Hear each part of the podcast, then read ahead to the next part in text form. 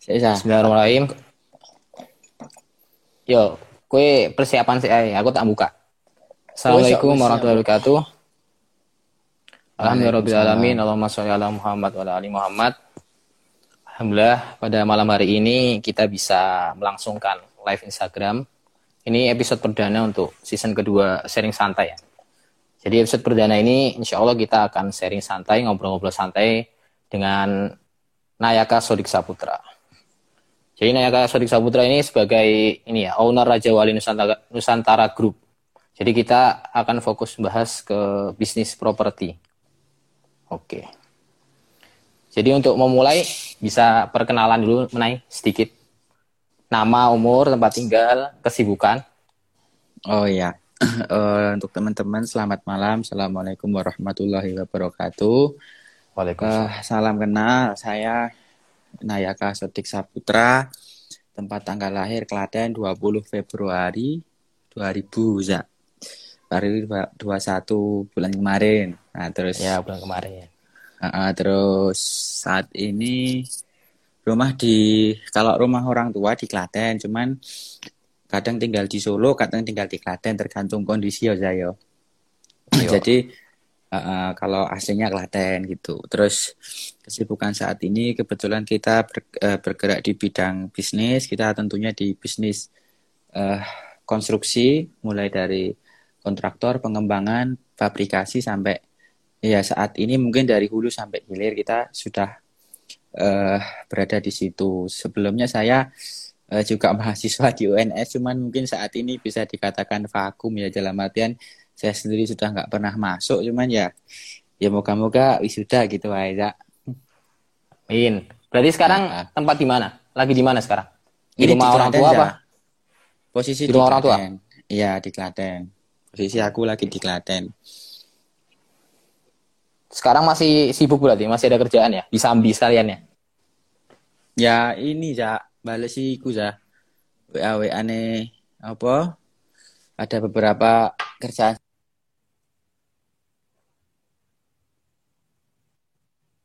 aja nanti muka-muka yo ini kayak selesai juga kan buat band bodo penae gitu. Oke, so, Jadi saat ini ya itu. Nanti malam ada acara wayangan. Di mana? Di Klaten? Mm, di tempatnya itu Pak Narno di Bayat. Oke lah.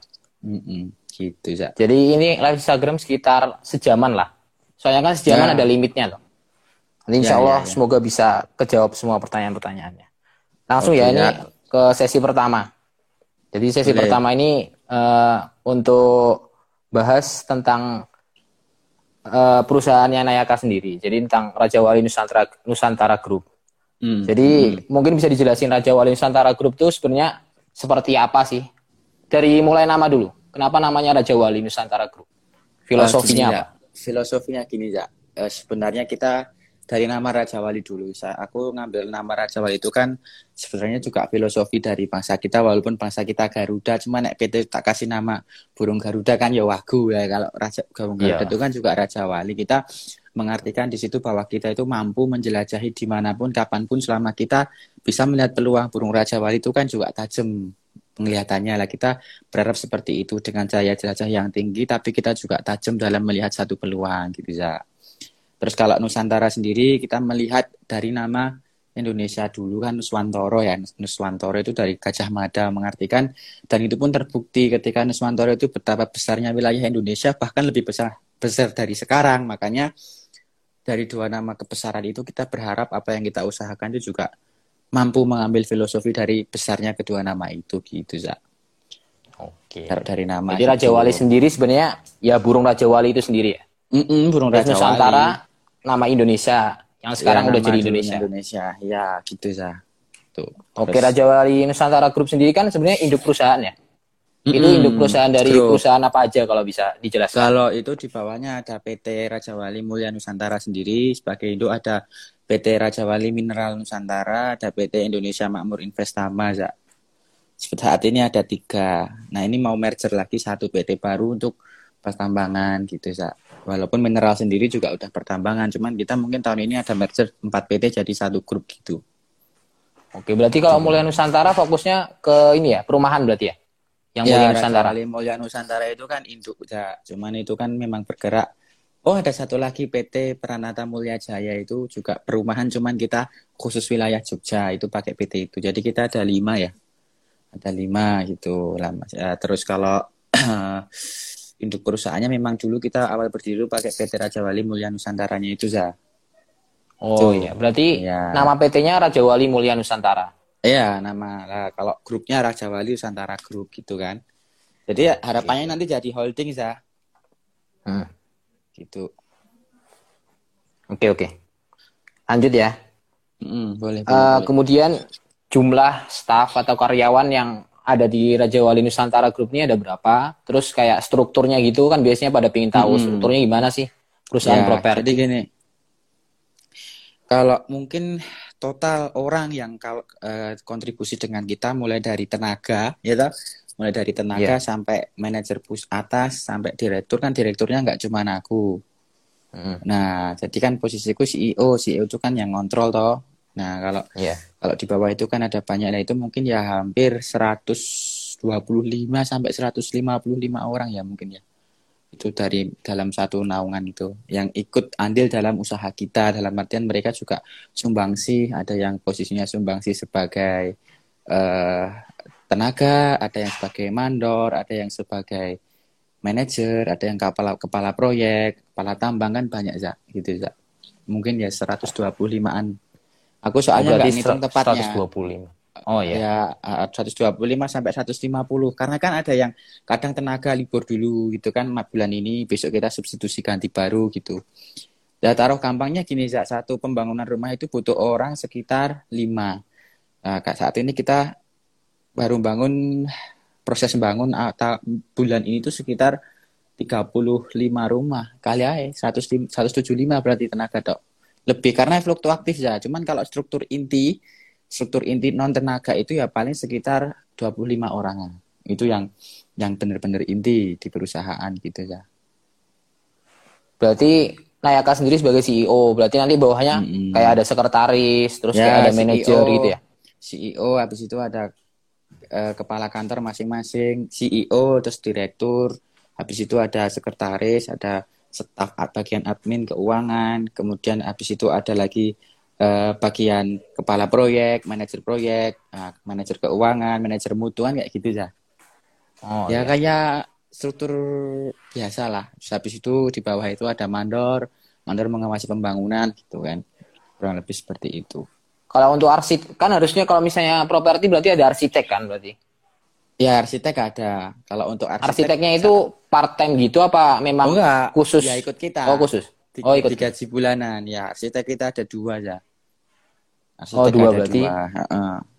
Berarti semuanya kayak desain-desain rumah nanti dari arsitek Iya, dari Raja Wali kan- itu sendiri. Heeh, karena kan sebagian itu rumah tuh kadang ada yang posisinya cust- customer tuh minta custom mas ini aku minta tiga kapling jadikan satu rumah gitu kan Mm-mm. Nah, tiga kapling jadikan satu rumah jadikan dua lantai atau tiga lantai Nah, itu kan perlu gambar kerja baru yang di luar konsep awal kita kan gitu Oh berarti kalau sebagai kita sebagai customer bisa apa namanya minta custom gitu ya? custom bisa bisa kalau di komersil harus custom kecuali subsidi kita nggak bisa custom gitu ya Oke. Wah ini Aditya Wahyu Pratama ini temanku dari nol ini bergabung ini Ini banyak nih yang ini. udah bergabung nih.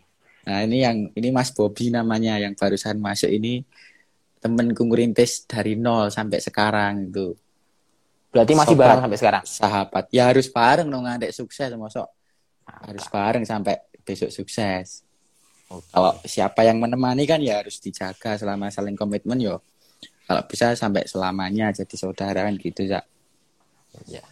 Harus tuh kayak gitu. Mm-mm. Terus kalau jadwalnya berarti kalau jadwal kerjanya misalnya kayak karyawanmu atau kamunya sendiri berarti Eh. dari Senin sampai Jumat atau Senin sampai Sabtu. Kalau aku nggak terjadwal ya, Za, tergantung kepentingan kan. Kadang kita perlunya yang perlu dibenahi yang mana. Cuman kan kalau laporan kan semuanya udah ada grupnya atau masing-masing. Laporan penjualan, laporan progres pekerjaan, proyek. Kalau aku kan fleksibel dan fokusku kan memang mencari relasi baru dan pengembangan bisnis baru. Jadi waktunya kan fleksibel. Kalau teman-teman eh, staff dan sebagainya itu ya kayak biasa masuk jam 8 pulang jam 4 sore gitu ya. Dan kita absennya fingerprint. Oh ya, berarti kantornya sekarang di mana? Di Klaten? Kalau kan, kantor di Gunung Kidul ada, di Klaten ada, di Jogja ada, sama di Sukoharjo, di Solo dekat Solo Baru di Gadak sana. Oh, berarti kantornya tergantung ini ya lokasi apa namanya perumahan-perumahan itu atau gimana? Ya, kalau tergantung lokasi perumahan itu kan kantor pemasaran ya, itu memang kantor oh, iya. manajemen. Iya. Jadi kan kita ada titik-titik yang akan kita ekspansi. Kalau Klaten ya kantornya di situ. Kalau oh, posisi iya. di Sukoharjo di sini. Nah, terus sama ini kan ada penambahan di Klon Progo juga kita untuk pengembangan tambang batu andesit gitu ya. Tapi kalau pusatnya tetap di Klaten. Pusatnya malah di Sukoharjo ya, di Solo. Oh, malah di Sukoharjo. Uh, uh, kita di sana. Kantor induknya. Oke. Gitu. Oke lanjut ke pertanyaan selanjutnya. Uh, ini proyek yang sudah berjalan apa? Apa saja proyek yang sudah berjalan dan di mana saja? Tadi kan udah uh, uh, disebut juga kan di Sukoharjo, ya. di mana? Mungkin bisa dijelaskan. Saat ini kita ada di Amera 1 Sukoharjo, Amera 2 Sukoharjo, Amera 3 Sukoharjo, Grand Area Sukoharjo. Kemudian ada di Putra Residen juga di Sukoharjo. Kemudian kalau di Klaten ada Geraha Mulia Ketandan, geser lagi Gunung Kidul ada Geraha Mulia Semanu. Uh, sama di Bantul di Guosari juga ada Jaganata Villa sama nanti kita mau buka di Kusuma Negara baru proses di samping ke Biro Loko sama yang terakhir ini kan kita open proyek villa di sepanjang kita habis pembebasan 2 hektar ya di sana itu mungkin Paham. 10 10 proyek ya 10 hmm. proyek berarti yang lagi berjalan ya kalau yang sudah selesai saat yang sudah selesai kan yang dulu itu sumbang sih yang di Bulu itu di Bulu Soekarjo itu perumahan yang tanpa DP gratis motor itu. Oh itu, itu selesai ya berarti? itu sudah, sold out apa penjualan. masih ada yang sudah sold out? Sudah sold oh, out, sold. tinggal tinggal akad oh. apa. Oke, mantap. Berarti ada sekitar 10 proyek lah ya berarti ya. Yang tersebarnya proyek. sekitar Solo Jogja berarti kan? Ya, Solo Jogja. Solo Jogja. Oke. Lanjut. Oke. Uh, apakah ada kerjasama dengan perusahaan lain? Kan ini ya, kan Raja Wali Nusantara Group. Berarti ada pasti kerjasama ada. ya?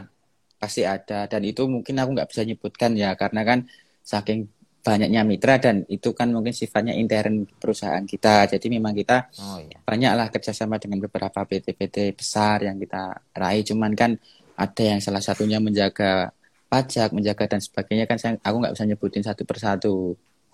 Itu. Oh intinya berarti ada, tetap kerjasama ya berarti? Kolaborasi nggak mandiri sendiri gitu loh? Kalau kalau kalau grup tetap mandiri, perumahan tetap mandiri. Cuman kan ada beberapa kerjasama yang lain. Jadi gini ya, yang dimaksud dengan mandiri bisnis itu kan mandiri itu selama kita punya prinsip, punya hitung-hitungan itu mandiri. Kalau kerjasama modal, investasi semua itu kan namanya mitra ya. Bukan berarti ketika oh, iya. kita pakai permodalan orang kemudian kita nggak beli sendiri nggak kan saat saat itu dua dua pihak yang berbeda kita di situ bermitra tapi kalau grup kan nggak ada intervensi ya Oh iya, berarti gitu. tetap grup sendiri, cuma nanti grup mitra sendiri. terus modal yeah. bisa dari luar gitu ya. Kalau permodalan kan banyak dari teman-teman perbankan juga ada kan banyak. Oh iya, benar. Oh, oh. gitu ya. Sekalian aku juga belajar properti nih, kan nggak terlalu ngerti aku soalnya. Boleh. Tapi tertarik. Oke lanjut nih soal ke-6. Uh, ini target pembelinya kan ada eh. beberapa perumahan ya target pembelinya itu yeah. sebenarnya ke mana aja sih? Ke kalangan apa mungkin ke mahasiswa atau ke keluarga yang uh, baru atau ke mana? Tergantung segmentasi ya. Kita kan kalau yang subsidi kan normal ya 150 juta 500. Kita kan variatif mulai dari 150 sampai rumah satu miliar setengah kan kita punya. Hmm. Nah kan jadi jadi mulai dari rumah yang middle, uh, low ya low, middle sampai middle up sampai yang paling high paling tinggi pun kita juga juga punya toh gitu. Yang yang nah kita kan ada produk terbaru tuh nanti mungkin di villa kita yang sepanjang tuh kan mulai 350 sampai satu setengah m ada. Jadi kalau target pasar tuh kita menyesuaikan ya bahkan kan kita sekarang punya fasilitas nih. Ada Google Advertising ada Google Trend di, situ kemudian ada Facebook advertising, ada jaringan agensi yang luas, ya itu kan kita bisa kolaborasikan misalnya dari Google Trend kita bisa tahu hari ini orang yang paling cari keyword perumahan di Google itu di mana. Kemudian kita sasar iklan di situ. Kemudian setelah iklan masuk leads kan namanya leads masuk kita kasihkan marketing untuk follow up. Setelah follow up terjadi deal. Kadang kita pembeli itu dari Semarang tanpa survei beli rumah juga ada dari Jakarta tanpa survei beli rumah dan juga ada. Jadi pasar itu kita tahu pasar itu Iya, kita menyesuaikan karena nggak mungkin orang nggak butuh rumah karena orang kerja ketika punya uang itu pasti beli aset. Nah, ketika kita offering satu aset yang dia itu memberikan return yang jauh lebih tinggi dari bunga deposito pasti mau kan gitu ya. Dan return kita kan oh, iya. kadang 20% gitu kan setahun. Akhirnya kan ya penjualan kita alhamdulillah di Maret aja kita membukukan penjualan itu hampir dari Maret pandemi sampai sekarang mungkin hampir 100 rumah udah kita jual ya. Mungkin. Nah, aku pasti berarti untuk apa. untuk target pemasarannya sendiri berarti variatif ya? Maksudnya dari variatif. bawah sampai ke atas semuanya ada? Variatif ya jadi kita nggak bisa kalau, mengatakan kalau paling murah section. berapa naik? Ya itu subsidi no satu seket juta. Oh yang ini ya yang di Sukoharjo oh oh satu seket juta lima ratus ya.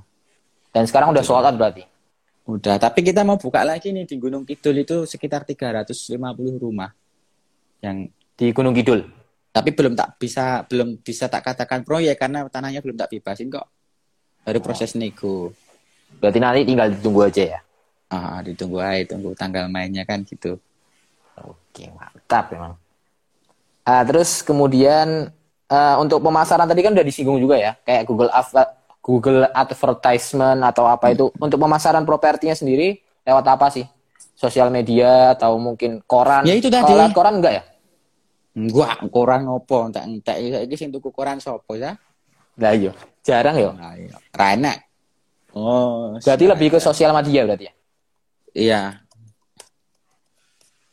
Kalau ya. Google Google Advertisement tuh berarti berapa kira-kira naik biayanya? Kalau misalnya mau ngiklanin satu iklan lah. Ya tergantung ya. Kita budgeting sehari sampai 5 juta ya untuk iklan. Untuk iklan? Sehari. Itu kalau misalnya di Instagram, misalnya di Instagram itu berapa kira-kira? Ya kan satu Kalau mau ngiklanin Facebook satu. Facebook ad, Facebook advertising sama Facebook advertising sama Instagram itu satu paket ya. Itu kan kita tergantung costing kita mau berapa, pasar kita mau di mana, jangkauannya mau berapa kan gitu toh ya. Nah, oh ya. Uh, jadi kita menyesuaikan aja sama permintaan kan gitu. Antara demand sama supply kan disesuaikan nih. Misalnya kita mau uh, hari ini kita target berapa rumah kan? Misalnya satu rumah harga jualnya satu miliar kita anggarkan untuk biaya pemasaran itu lima persen. Lima persen berarti berapa? 50 juta. 50 juta untuk agensi berapa? Agensi 30 juta yang 20 juta untuk masuk ke Google Ads kan kayak gitu. Nah oke berarti sekitar gitu. 5 juta berarti ya? Ya sehari gitu. Saya kira rata 5 juta lah. Sekitar 5 juta. Dan itu dampaknya gimana nih dampaknya tuh apa ya, namanya? ke penjualan. rumahanku rumahanku payu no kena pandemi-pandemi juga kita tetap bisa jualan. Padahal orang katakan gimana ya orang katakan ini sedang krisis? Ya alhamdulillah ya mungkin romantik Gusti Allah. Yang penting satu saja jangan lupa sama orang tua sedekah jangan lupa dan dan kayak bisa sedekah jangan ditampak-tampakkan. Cukup kita sama Allah yang tahu. Nah itu, itu penting nah itu orang nggak usah tahu sedekah kita. Lah itu ini pesanku ya jadi kamu udah itu aja pesen itu aja jalankan. Nanti kalaupun Google Advertising dan sebagainya itu kan cuma sarana dan mungkin banyak orang yang melakukan iklan seperti aku cuman outputnya mungkin nggak sama kayak aku kan yo ada. Nah, itu kan yo kersani Gusti Allah cuman jalarannya lewat situ kan ngono ya oke. Okay. itu berarti sampai sekarang lewat Google Advertising itu berarti ini ya, apa namanya dampaknya bagus lah ya. Ya menyumbang mungkin 30% pasar ya 30% persen oh, pasar dari total penjualannya lumayan juga. Kalau selebihnya berarti dari mana? Selain Google Advertising? Selebihnya ya dari canvassing, kemudian dari mulut ke mulut gitu toh. Kan banyak saya. Aku rasa nyebutnya satu persatu ya. Cuman ya. Oh, berarti lebih malah lebih banyak dari selain ini ya iklan-iklan di sosial media berarti ya? Ya sosial media banyak, cuman kan nggak cuman Google Advertising ada yang masuk grup Facebook, ada yang masuk banyak toh ya. Oh iya. Kan gitu. Oh intinya berarti ya Google Advertising itu berarti cuma sarana. Intinya tadi jangan lupa sedekah. Nah Terus, itu. ridho orang tua. Hmm. soalnya kayak hampir banyak yang pakai Google Advertising juga cuma outputnya beda, beda gitu ya. Jadi nah, ya nanti bener. rezeki juga yang atur Allah jadi nanti nah, bakal dapat lah semuanya. Ya benar lah. Makanya aku bilang oh itu sedekah cukup kita sama Gusti Allah yang tahu kan gitu. Ya Oke lanjut lagi pertanyaan Oke. selanjutnya Nah ini tentang Raja Wali Nusantara Group kayaknya udah cukup lah, udah cukup banyak. Nanti kalau misalnya pada ingin tahu tentang Raja Wali Nusantara Group mungkin nanti bisa langsung chat Nayaka DM atau oh, lihat di apa -apa. Instagramnya juga ada Raja Wali PT Boleh. Raja Wali Mulia Nusantara. Nanti kalau misalnya Boleh. tertarik untuk beli atau nanti ingin survei iya. langsung ke tempatnya bisa. Oke, Oke lanjut ini segmen yang kedua ya. Jadi ini ada beberapa pertanyaan uh, mending beli tanah yang strategis atau rumah mewah dengan yang dengan budget yang sama nih? Tujuannya untuk apa ya? Uh, kalau misalnya investasi. Kalau investasi, ya aku mending beli tanah yang strategis karena gini. Jadi kalau mau beli tanah itu cari yang sek jangan yang di tengah kota malahan. Jadi yang sektor kedua dari kota. Misalnya gini, kan kalau beli tanah itu kan anggarannya per meter ya saya. Hmm. Nah, kalau misalnya beli tanah harga 100 ribu, eh 200 ribu per meter dengan harga tanah 1 juta per meter, 1 juta per meter mau naik ke 2 juta itu kan susah ya. Perlu waktu lama toh. Tapi kalau yeah. Iya. 100 ribu mau naik ke 200 ribu itu kan lebih mudah toh ya. Padahal secara valuasi kan sama-sama 100% kenaikannya. Jadi kalau saranku beli tanah strategis yang di situ akan menjadi pengembangan kota dan pinggir jalan dan pastikan kamu cek di zonasi pemerintahan setempat itu bisa dibangun kawasan perumahan atau pabrik udah selesai. Berarti hmm. lebih mending tanah yang strategis di sektor kedua ya? Berarti bukan di sektor hmm. pertama berarti Oh ya? jangan lah, kayak gitu ku lemah 5 juta jadi 10 juta itu kan berat toh. Dibanding dengan tanah 100 ribu mau jadi ke 200 ribu. Padahal kan valuasi yang kamu investasikan sama sana beli 1 M, sini beli 1 M, kalau sini dapat satu hektar, kalau di sana dapat e, mungkin kalau taruhlah 10 juta cuma dapat 100 meter, kan gitu. Hmm. Nah, yang sini dipecah-pecah bisa, dikapling bisa, dibuat perumahan bisa, atau ditunggu untuk naik ke 200 ribu per meter kan lebih gampang ya dibanding kamu beli beli tanah yang harganya mahal. Oh iya, soalnya juga nanti kan orang apa populasi manusia juga tambah banyak, nanti bakal nah, apa ke sektor kedua gitu ya berarti. Nah, itu makanya. Oke. Lanjut nih pertanyaan selanjutnya. Uh, ini banyak yang tanya tentang ini loh, naik persaingan di dunia bisnis gitu. Ada nggak sih persaingan kayak saling sikut atau malah sesama pengusaha ini saling respect atau saling support gitu? Ya, kalau selama ini alhamdulillah aku dipertemukan dengan orang-orang baik terus ya. Cuman ya memang ada beberapa tapi yang kita jauh itu yang toksik ya toksik gitu ya. Istilahnya uh, ketika dia kita bertemu dia bisnis kita semakin berkembang nah itu itu teman yang baik. Tapi ketika bertemu kok malah semakin banyak ke lifestyle kayak hidup nah itu ya itu mungkin dibagi sebagian orang baik. Ya cuman ya aku sendiri secara pribadi itu lebih memilih untuk lebih ke membesarkan value bisnis dulu kan gitu. Akhirnya kan kalau masalah sikut-sikutan dan ndak-ndaknya itu kan yo tergantung siapa yang tergantung situasi dan kondisi kan ngono ya. Tapi selama ini nggak ada ya berarti? Ya mungkin ada, ada, cuman ya mungkin ada namanya juga kita kadang jalannya cuman ya ya wis lah anggap aja yang lalu kan gitu. Kita masih punya peluang yang lain yang mungkin bisa untuk menggantikan karena prinsipnya gini ketika kita di sikut atau ketika kita ditipu misalnya ya udah gampang aja prinsipnya yang penting Gusti Allah bakal mengganti lebih banyak kan ngono tok wis rampung. Segitu aja prinsipnya. Tapi lebih malah lebih banyak yang respect ya. Kayak yang banyak yang suportif kayak teman-teman pengusaha ya, gitu. ya alhamdulillah banyak yang support gitu ya sampai sekarang banyak yang support. Oke alhamdulillah. siap. Lanjut pertanyaan selanjutnya. Uh, nih ini tentang perubahan. Ada perubahan nggak sih dari diri kamu setelah menggeluti bisnis properti? Perubahan yang lebih baik ya jadi dam, terus ada kayak dampak sosial tuh maksudnya kayak tetangga mungkin ada dampak ke tetangga atau ke masyarakat memandang kamu itu gimana hmm. sih? Gimana? Nah. Yo ada Noza, mesti ya. Apa kira-kira ya, perubahannya? Kalau perubahan ya mungkin status sosial kan mesti beda toh. Namanya oh, ya. sekarang kita hidup di Indonesia kan, cuman kan ya kadang kadang orang dulu ngomong sama kita ceplah ceplos, sekarang ketika ketemu kok dia lebih lebih jaga omongan kayak gitu. Hmm. Nah, kadang dulu yang ketemu itu ya beda lah. Ada yang bagus responnya, ada yang iri, ada yang eh banyak ya. Kalau ya. perubahan diri sendiri gimana? Kayak kamu ngerasain ada perubahan nggak di diri kamu? Ya, setelah menggeluti bisnis properti. Contoh, oh, contoh. Kayak dulu apa gitu. Ya dulu minta orang tua, sekarang enggak. Nah, itu yang paling yang paling kelihatan ya.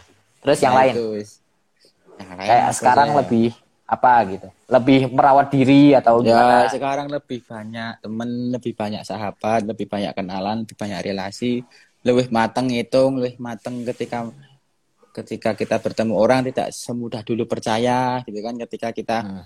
eh, ketika kita hendak mengeksekusi suatu bisnis itu lebih bisa menghitung mateng kan? Kayak gitu kan? Yo yo yo kaliku loh ya gitu ya Oh, sama gini, Nay.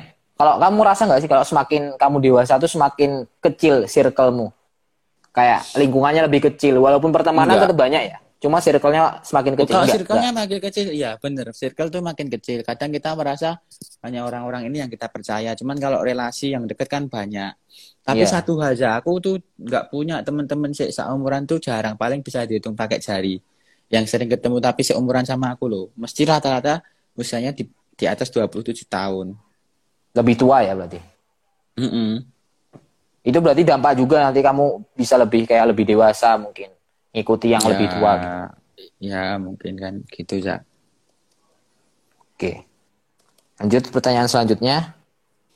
Ini udah sekitar setengah jam lah, setengah jam lagi nanti kita selesai. Mm-mm. eh ah, nih banyak yang nanya juga kan perumahan udah terus mau buat villa juga kan Keper, Iya. apa kepikiran nggak sih buat kayak apartemen mungkin Oh mungkin iya, nggak di pasti Jogja ya. mungkin kalau di Jogja kan mungkin ada mungkin pasarnya tapi sedikit mungkin di daerah Oh, lain buat enggak. apartemen Loh, Di Jogja banyak, nggak sedikit ya. Jogja, Jogja itu nggak sedikit. Jogja itu pasarnya banyak. Jogja itu adalah kota terbaik iklim investasinya ketiga setelah Bali sama Jakarta ya. oh justru Jogja banyak berarti ya Banyak. kayak yang banyak. oh Student, student Castle itu kan punyanya punyanya ya temen gitu toh. Ya guruku mitra guruku lah, mentorku Student Castle Park itu loh. Babarsari itu loh. oh iya. Itu kan bisa. Ada cita-cita ke situ cuman kan kita tetap step by step. Walaupun secara planning finansial pendapatan lahan support bank itu kita sudah tertata. Cuman koyo ini posisiku saiki ibaratnya ibaratnya apa ya? Tempat air kuwi nek dikek kuwi engko tumpah-tumpah. Belum waktunya berarti masih step by step dari perumahan dulu terus villa baru nanti mungkin Tiga tahun lagi ya kira-kira? ya pas aku umur 25 nanti insya Allah amin semoga segera tercapai lah iya Berarti ada kepikiran buat buat apartemen ya berarti. Tapi Hmm, enggak ada. sekarang. iya enggak sekarang ya Oke. Lanjut.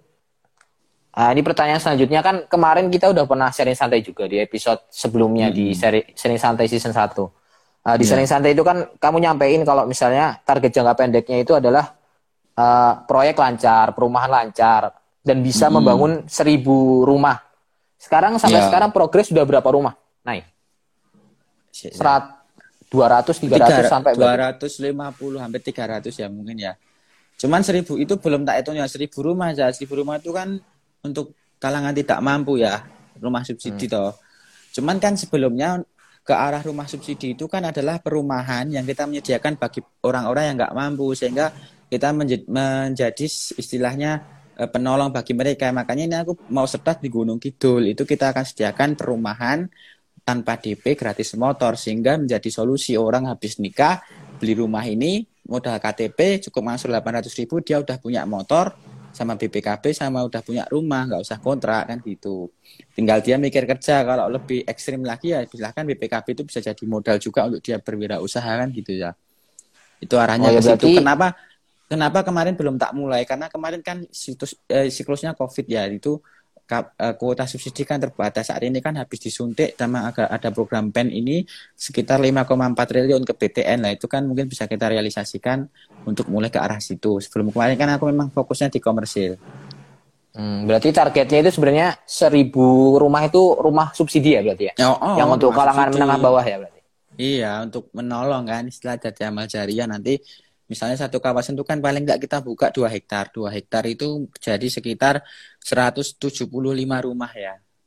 Nah, 175 rumah di situ nanti kan ada masjidnya. Nah, di tak buatkan masjid, kita kan membuat siklus baru dalam satu kawasan. Lah bayangin wae kita harus gawe iki omah, wis omahe gampang tuh kune wis ngekei masjid ketika orang di situ kan jadi amal jariahku juga nah, itu kan tujuanku ke situ cuman saat ini memang belum terlalu banyak yang tak realisasikan toh karena uh, posisinya masih mau start Pandemi. tahun ini ya pandemi karena Ya. pandemi kan kalau subsidi terdampak banget Gitu. Berarti yang udah jadi berarti yang di Sukoharjo. Yang di Sukoharjo yang subsidi itu berapa rumah totalnya? Satu perumahan itu berarti. ya itu Siti Azakur pira ya telu likur bahwa itu kan sebagai tahap uji coba kemarin Dua tiga berarti yang di Gunung Kidul nanti sekitar berapa rumah? 300. Yang mau 300. 300. Oh, berarti wah langsung dari 23 langsung ke 300 kan banyak berarti nanti mungkin Ya, setahun nggak ini atau dua tahun ini dihitung, kalau dihitung dari Sampai. sing tak gawe saka komersil kan yo wis yo wis cukup Iya. istilahnya iya gitu oke lah berarti semoga tercapai lah nanti seribu rumah Amin. subsidi nanti bisa. amin oke Nanti ya. kan juga membantu dan bermanfaat juga buat orang-orang yang lain. insya Allah Terus ya. di sharing santai season 1 kemarin juga target jangka panjang disampaikan juga. Bisa jadi perusahaan holding dari hulu sampai hilir. Nah, Iya. sekarang udah sampai mana prosesnya naik untuk jadi Sekarang- perusahaan holding? Eh, insya Allah ya ini baru kita pengembangan pabrik precast jadi nanti kita bangun rumah itu cukup waktu 28 hari kolom sama atap tuh dua hari jadi eh, kita baru realisasi precast di daerah Sukoharjo. Jadi nanti sistemnya itu rumah ris- risa ya. Itu sebenarnya kita ngembangkan dari PUPR. Kolom itu udah kita cetak dulu 6 jam rampung lah nanti kan kita dari mulai tambang pasir. Nah, kalau tambang pasir ini baru proses juga di Klaten ya. Berapa kita akuisisi juga. Nanti setelah ada tambang pasir itu langsung kita punya crusher, crusher langsung ke batching plan, batching plan langsung kita cetak sebagai ebrik namanya nanti. Jadi nanti besok rumah-rumahku sing tak bangun itu bukan pakai bata ya. Lah dari dulu dari zaman kerajaan sampai sekarang ini tanah itu pakai masuk rumah pakai bata terus kan nggak mungkin toh. Ini tak rubah Iya. pakai beton. Jadi pakai precast itu tahan gempa sampai 6,7 skala Richter. Jadi ada guncangan gempa kayak 2006 itu selama 10 menit insya Allah rumah tuh nggak roboh gitu. Nah itu jadi hulu hilirnya di situ. Kalau yang nggak bisa dikuasai itu cuman semen sama besi. Kalau yang lain insya Allah bisa. Semen besi itu modalnya banyak. Oh, berarti semen besi kan memang perusahaan besar ya. Kayak sekarang aja Mm-mm, semen-semen kan ya perusahaan-perusahaan besar. Berarti lebih ke pasir Brikes di Klaten berarti ya. Loh, tapi itu udah udah udah hampir 70 eh 65% dari bangunan loh saya itu yang kita kuasai Iya. nanti. Heeh. Berarti kalau misalnya kayak atap-atap gitu dari mana nih? Mau Atap-atap buat ya juga pakai- atau? Ya nanti buat pabrik itu ya paling genteng beton ya itu kan lebih murah. Cuma saat ini masih beli juga. Kalau yang paling dekat ini ya mau kita membuat pengembangan itu rumah rumah precast itu. Jadi kita pemasangan satu rumah itu mau hujan mau enggak enggak enggak enggak gas itu dalam waktu 28 hari yang awalnya tiga bulan. Jadi 28 hari. Itu nanti sudah finishing eh, dan anti gempa. Itu ya. Itu kuat tapi nih. Lawang Precast anti itu kuat gempa. ya? Lah anti gempa orang ngerti piye. Oh iya deh. Brikes, Brikes. Tapi itu untuk Precast apa namanya? Untuk kayak saya gawe apartemen kayak lho, precast tuh. Oh, Bahan itu berarti dari bata sendiri lebih murah atau lebih mahal sedikit? Brikes. Iya, lebih mahal cuman kan efisiensi di, ten- di tenaga tuh, Za. Lebih cepat lah jadinya Iya. istilahnya Saat- kalau Brikes. Saat kalau kalau orang biasa itu satu jam itu sekitar 7 meter, eh, 5 meter persegi bata, kalau itu satu jam sampai 38 meter persegi yuk, Cepat berarti ya. efisiensinya. Iya, cepet. Dan itu kalau hujan pun tetap bisa lanjut ya? Ya kan pemasangan pertama kan kita masang struktur dulu, Za. Masang struktur, struktur jadi, langsung dikasih atap. Nah, ketika wis diatapi kan dia nata rumah dalam kan nggak kehujanan, Za. Oh iya. Nah, itu Berarti padahal langsung- stru- struktur proses pemasangan struktur ke atap itu tiga hari doang. Kolom itu ya yang di Instagrammu itu ya? Slove kolom ya, slove kolom yang tak bilang kemarin tak buat status WA apa kemarin. Slove kolom itu tiga hari selesai. Kalau slove kolomnya 6 jam. Selanjutnya itu pemasangan pemasangan itu atapnya. Oke lah. Berarti lebih efis- efisien walaupun mahal sedikit tapi lebih kuat juga ya? Iya. Oke, berarti untuk perusahaan holding udah berjalan lah. Apa namanya? Sedikit demi sedikit insya Allah. Oke. Lanjut pertanyaan selanjutnya. Oh ini bahas tadi yang tadi udah disinggung juga. Kan di episode sebelumnya juga bahas tentang villa. Ini perkembangan Lah, villanya gimana Nay? Lah, wis Tadi kan udah lihat tanah. ya desainnya kan udah ada. Kapan mulai Iya. pembangunan? Mei. Mei. Mei. Ya. Target selesai tahun berapa tahun berarti? Sekitar Satu setengah tahun. satu setengah. Wah cepet berarti nih. Oh iya. Berapa villa total? Cepet. 100 185 tapi tahap 1 145. Satu empat. Itu di mana sepanjang tuh? Di mana pantai?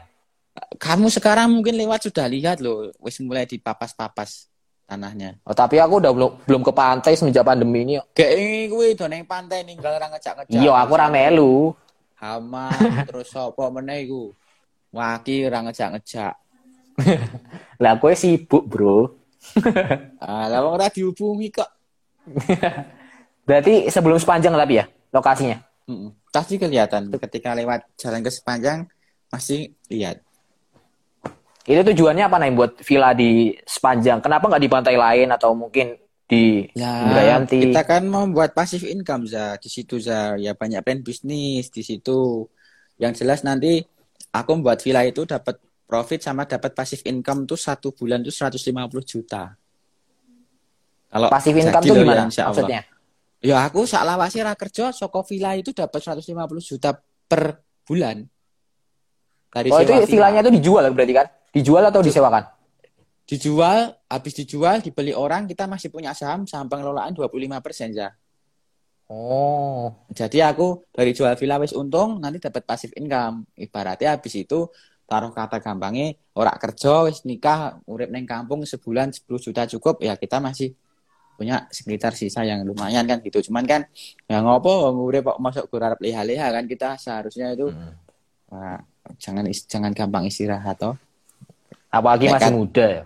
Iya, nek katanya Mas Tom kemarin kan istirahat adalah pengkhianatan bagi para pekerja keras, Bos. Yes, mantap. Eh, iya. Koncone wis Tom Liwafa, Tom Liwafa. Wis. Ya enggak ya mentor, nek kanca ya durung kastani lah. iya. Iya. Insya Allah lah bisa Gitu. sampai sana lah. Iya, amin. Berarti Mei start mulai pembangunan satu setengah tahun berarti sekitar 2023 pertengahan ya berarti ya. Eh enggak deh. Mm-mm. Dua, Nah, eh, 2023 awal lah. wah iki staf kesayanganku iki. Mas Ahmad Rizwar iki. Halo NJK iku wis andalan paling top sak donya bisa. Mas Rizwar jenenge. Halo Mas. Nah, Ini kudu dipinjam dulu bosnya Mas. Buat sharing santai nih Mas. Ya. Wih, jos mantap. Oke lanjut ya. Tadi kan Nah, udah lanjut. villa. Terus, oh ini udah, ini pertanyaan-pertanyaan yang dari followers-followers. Nah, ini pertanyaannya agak dalam ya. Deep. Definisi sukses menurut kamu itu seperti apa sih? Apakah sekarang udah sukses? Gimana? Hmm. Menurut Nayaka? Wah, ya wangil, bos. Kalau sukses itu menurutku ya eh sukses itu adalah anak tangga, ya. Hmm. Nah, jadi anak tangga misalnya kita taruh sukses kita sekarang di anak tangga ketiga. Ketika sudah sampai ketiga taruh kata sukses itu di anak tangga kelima. Sudah sampai kelima taruh kata sukses itu di anak tangga ketujuh gitu. Jadi sukses itu nggak bisa dijadikan satu patokan dan itu di- harus di-upgrade gitu loh. Itu sukses. Berarti Kalau- intinya sukses tuh terus naik naik naik terus ya. Eh, iya. Iya, no. Sukses itu Berarti sekarang masih belum sukses dan mungkin kalau misalnya naik terus berarti nggak bakal sukses nah. nggak bakal sukses dan karena kita kan mau menebar manfaat aja kalau bukan mencari kesuksesan sebenarnya yo. Oh, gitu nah yang penting kamu pengen apa so kelakon kan ngono. Mm-mm. ya Oke, berarti sukses ya nggak nggak bakal sukses lah karena sukses tuh tinggi terus. Ya, yang penting manfaatnya kita ada. bersyukur. Kita bersyukur dengan apa yang kita capai sekarang tapi kita tidak pernah tidak pernah eh, istilahnya merasa berhenti dengan pencapaian kita sebagai wujud rasa syukur kita atas pencapaian yang sudah kita berikan bahwasanya ya Allah terima kasih aku sedikit derajat sampai segini aku harus lebih tinggi lagi sebagai wujud rasa syukurku karo sedekah ojo lali ini ngerasa diomong-omong gitu loh Hmm. Gitu. Berarti bersyukur, bersyukurnya kerja keras lagi sampai iya, biar no. bisa lebih sukses, sukses, sukses. Sekarang sekarang gini za, ibarat iki menungso wae ya, ibaratnya manusia. Kamu punya staff. Staffmu kerja keras. Terus dhek iki wis capai target. Terus baca capai target, dhek malah matur nuwun ro kowe terus kerjanya tambah keras meneh. Lah kan kamu seneng toh? Hmm. Lah kuwi menungso pemeneh Gusti Allah kan ngono kan Gusti Allah wis hitungan hitung hitung hitungannya kan wis beda karo menungso. Oke. Siap. Itu definisi suksesnya Nayaka ya. Nanti mungkin kalau misalnya dia mau nanya atau apa namanya bisa di live nanti kalau misalnya ada waktu ya. Mau nanya apa aja mungkin nanti kalau ada waktu. Oke lanjut. Nah, ini banyak juga sebenarnya itu paling banyak pertanyaan tuh bagaimana tips sukses. Kan kemarin juga udah disinggung di season 1. Kalau mau sukses Mm-mm. ya kita harus tahu konsepnya dulu. Kita mau jadi apa, konsepnya Mm-mm. gimana. Mm-mm. Jadi mungkin bisa dijelasin sedikit lagi nih, bagaimana tips dan kunci sukses menjadi pengusaha di usia muda dari nol. Ini tak gabungin Hmm. semua, apa namanya? Hmm. Pertanyaan-pertanyaan jadi satu. Ya, simpel lah ya. Yang pertama yakin, yang kedua tekad, yang ke ya maaf, yang pertama niat, yang kedua tekad, yang ke yang pertama niat, yang kedua tekad, yang ketiga itu yakin, yang keempat pasrah. Nah, di balik itu di setiap langkah ini dipakai perhitungan, udah gitu aja. Pertama niat, kedua tekad, ketiga yakin, keempat pasrah. Iya. Tapi keempat-empatnya itu Wah, Ali Prosa kisah nata aku padamu Mas Gut. yang ke, ke- keempat keempat empatnya ini itu harus dipakai perhitungan. Ya, tekad kita seberapa, niat kita seberapa, itu kan pakai perhitungan semua. Dan itu kan muncul perhitungan bisnis. Kalau kalau masalah dapat uang itu kan proses aja ya. Dapat modal proses. Toh nggak ada yang nggak mungkin toh ya. Wah, dia harap mulai sekono ya iso. Orang yang kaya itu dulunya orang yang nggak punya. Kalau dia kaya dari warisan ya berarti bapaknya dhisik misalnya si A, wah si A suka soko bapak nih lah bapaknya dhisik suka mungkin juga dari nol. Nah kita jangan melihat masalah itu, kita melihat bagaimana posisi kita hidup. Kita tuh nggak boleh menyalahkan dari siapa kita dilahirkan. Yang neng antek mati kisih kere ya, wih, sing edan kan kamu toh. Nah, itu. Nah. Jadi jangan pernah menyalahkan keadaan ya. Jadi Eh, kalau iya. misalnya kecilnya miskin, kalau misalnya gedenya sam- sampai meninggal masih miskin ya berarti yang salah kamu yang sendiri. salah kita iya yang salah kita jangan nyalahkan orang lain itu Oke. Jadi tadi niat, pertama niat, kedua tekad, ketiga yakin, keempat pasrah dengan perhitungan. iya wis gitu aja wis coba dipraktek nora insya Allah bisa Yang penting itu sebenarnya prakteknya. Kalau teori teori teori Nah. teori kayak gini gampang diuma, oh, diomongin cuma nggak bisa dipraktekin ya percuma. iya kalau misalnya teori itu dipakai om harusnya yang S2 S2 itu semuanya jadi miliarder sama triliuner ya Benar. nah cuman kan Sekarang kadang banyak ya S2 S2 ya. Nah, makanya S2, S3 itu kan sebatas apresiasi terhadap satu proses pelajaran.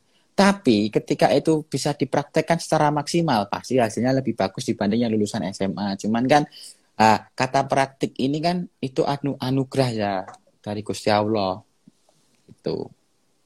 Oke. Nah, terus pertanyaan selanjutnya ya. Eh, ini ada yang tanya bagaimana cara berbisnis bagi pemula, bisnis yang jarang ada tapi luas marketnya dan tinggi permintaannya. Paham Oh, pertanyaan? ternak, ternak sapi, Ternak. ternak sapi. Wih berarti Wis. marketnya luas ya? Luas. Ternak ngono. Ternak, wis. Coba aja. Kalau nggak kalau nggak mau ribet loh. Soalnya kalau kayak di properti kan permodalan ribet. Hmm. Isih ngurus izin, isih ngurus marketing, isih ngurus praproyek, isih ngurus perawatan penjualan nah kan wakeh. Nek mau gampang ya wis kamu ternak sapi ya wis. Jadi pengembala itu ora gede dewe itu. Nek mau simpel loh ya. Iya. Gitu ya. Berarti itu. Kalau bagi pemula, kalau misalnya nggak mau ribet kayak bisnis properti, kayak bisnis kuliner yang bisa gagal juga, ya bisnisnya ternak lah ya. Ternak, Ternak, hewan ya. ternak. Ibaratnya cara gampang ya ternak. Nah, ngopeni sapi telu so pas arep korban didor ayo payu ya. Nah, mungkin ra payu. Iya. Soalnya nek ternak sapi ngono bakal pa- bakal payu tetepan ya. Iya, itu secara gampang. Kalau secara demand Hmm. perhitungan bisnis, wah kita itu masih eh kurang supply ya, bukan oversupply, masih minus banyak. Untuk supply daging sapi itu sampai impor-impor toh. Hmm, iya. Hmm, gitu. Nah gitu buat yang mau jadi bisnismen bagi pemula yang modalnya nggak dikit tapi marketnya luas jadi ternak ternak sapi atau ternak kambing atau yang lain-lain. Mm-mm. Ternak nih, kampung. Oke selanjutnya. Eh, ini kan kemarin sekitar beberapa minggu atau beberapa hari kan saling lihat Nayaka ketemu kayak tokoh-tokoh publik kayak mantan Bupati Klaten atau siapalah tokoh-tokoh publik yang sering kamu temui terus ada cerita inspiratif nggak yang disampaikan beliau-beliau mungkin Yo, bisa banyak aja. salah satunya mungkin Ya, satu secara secara karir dia sudah terlihat secara kesuksesan. Pasti di balik kesuksesan itu ada perjuangan. Pasti di balik perjuangan ada pengalaman. Dari pengalaman ada pelajaran. Nah, kita kan nggak harus mengalami pengalaman yang sama, tapi kita cukup mengambil hikmah ketika kita hendak mencapai titik itu, kita bisa menghindari itu. Secara simpelnya gitu. Banyak. Dan rata-rata semua yang semua itu orang baik dan bisa menjadi orang buruk itu karena omongan orang dan orang yang nggak suka ya. Tapi ketika kita bertemu saya katakan wallahi ya bersumpah demi Allah sing sing tak temu-temu itu nek aku bertemu secara seperti apa yang dikatakan Rasulullah ketika bertemu secara langsung kita baru bisa menilai orang nek aku menilai yo nek aku salah yo yo ngapurane nek nek aku soko hati soko anu semua orang baik. Sholat Jadi sebenarnya- ibadah. Loh, Oh. iya sholat ibadah semuanya mereka aku ketemu Pak Jenderal Irjen Puji misal aku ketemu Pak Sunarno Bapak Sunarno eh dan dan beberapa tokoh yang lain ya itu mereka semua zikir sholat kita kalah aku kalah bisa omongin kadang ya salah satu dari tokoh itu kita ketika misalnya aku matur Pak Narno ketika kita bertemu jam 12 ngobrol, beliau sambil pegang itu ya, pegang tasbih sambil zikir aja. Itu. Jadi, Jadi kadang kita satu. dari luar Jadi ya. pesan pesanku satu, jangan pernah menilai orang dari omongan orang, wis. Ah. Bahkan dari omongan orang yang paling kita misalnya guru kita misalnya apa ya mungkin bisa diklarifikasi seharusnya setelah itu. Cuman jangan langsung percaya. Kita temui dulu kita tahu baru kita bisa menilai seseorang. Karena terlalu banyak kepentingan di luar yang akhirnya menjatuhkan sosok-sosok yang baik kan gitu ya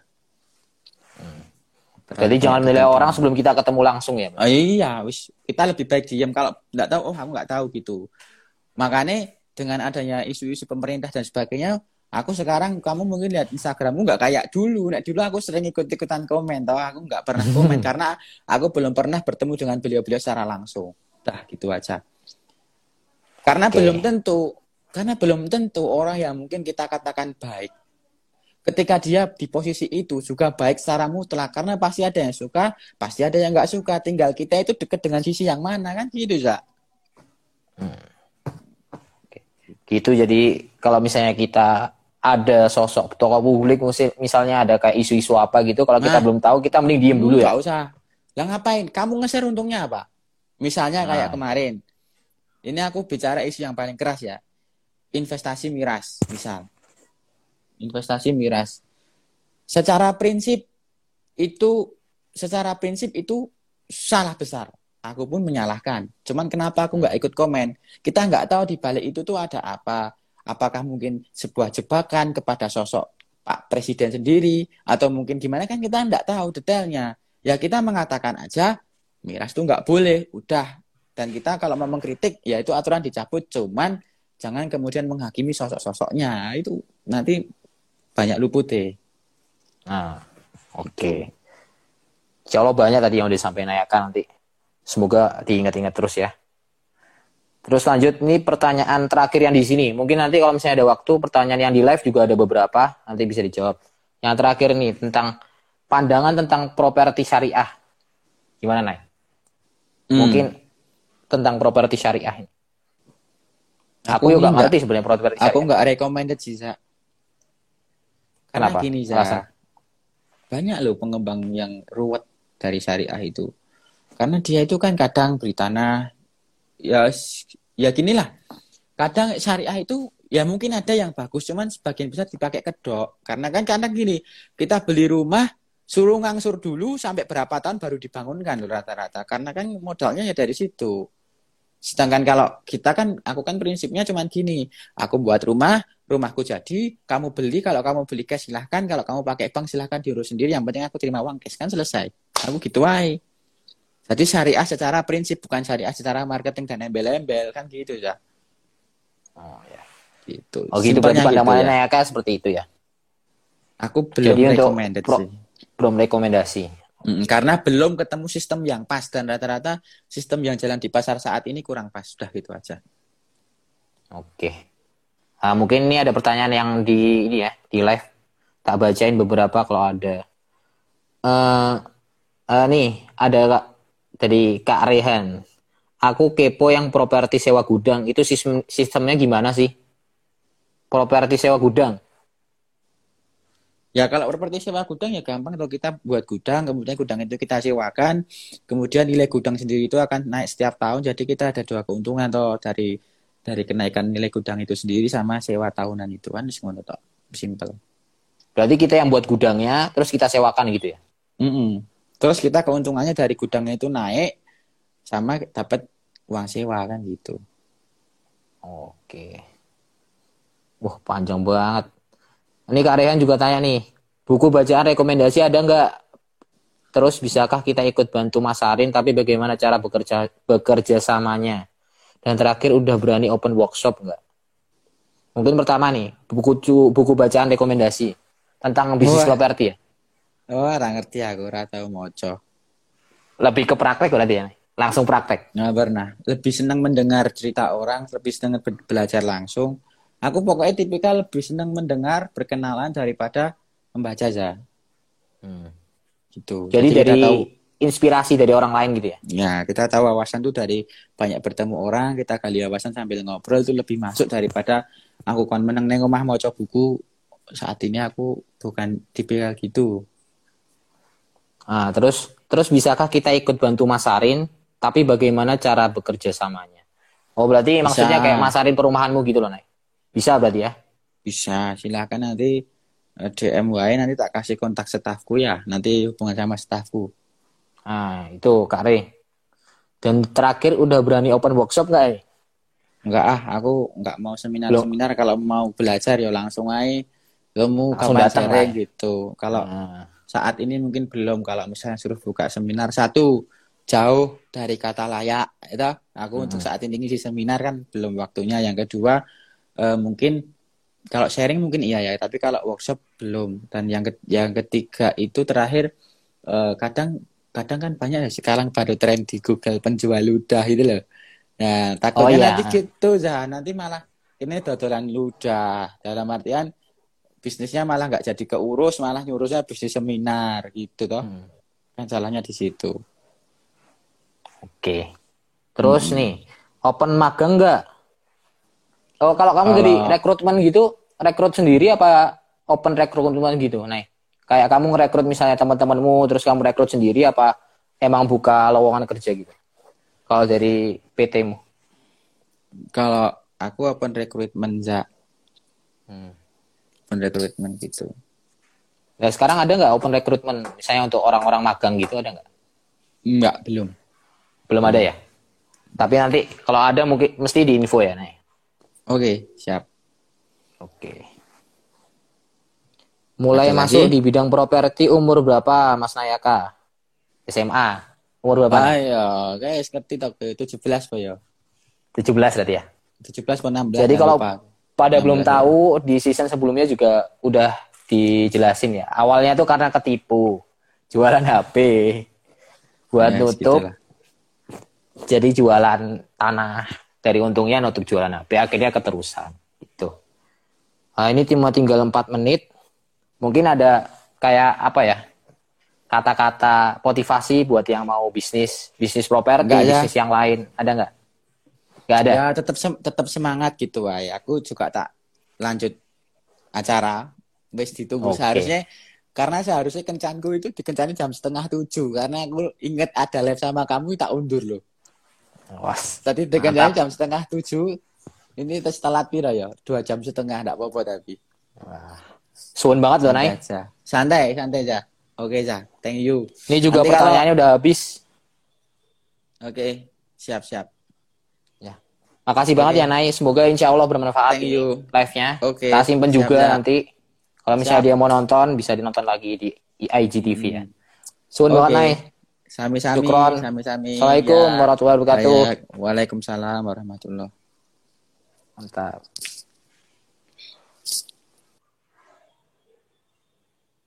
Ya, jadi itu ya teman-teman ya. Live perdana di season kedua. Semoga bermanfaat. Insya Allah nanti live-nya ini bakal disimpan di IGTV. Kalau misalnya ada yang mau nonton lagi, bisa nonton lagi. Kalau misalnya mau cuma audionya, nanti tunggu aja. Nanti diupload di Spotify insya Allah. Jadi mungkin itu, ini juga bentar lagi live-nya bakal apa namanya selesai sendiri. Tapi biar cepet tak tutup sekalian. Jadi mungkin itu teman-teman. Terima kasih yang udah nonton. Ya masih nonton terus sampai selesai. Terima kasih juga yang tadi udah sempat masuk terus keluar lagi. Syukron. Wassalamualaikum warahmatullahi wabarakatuh.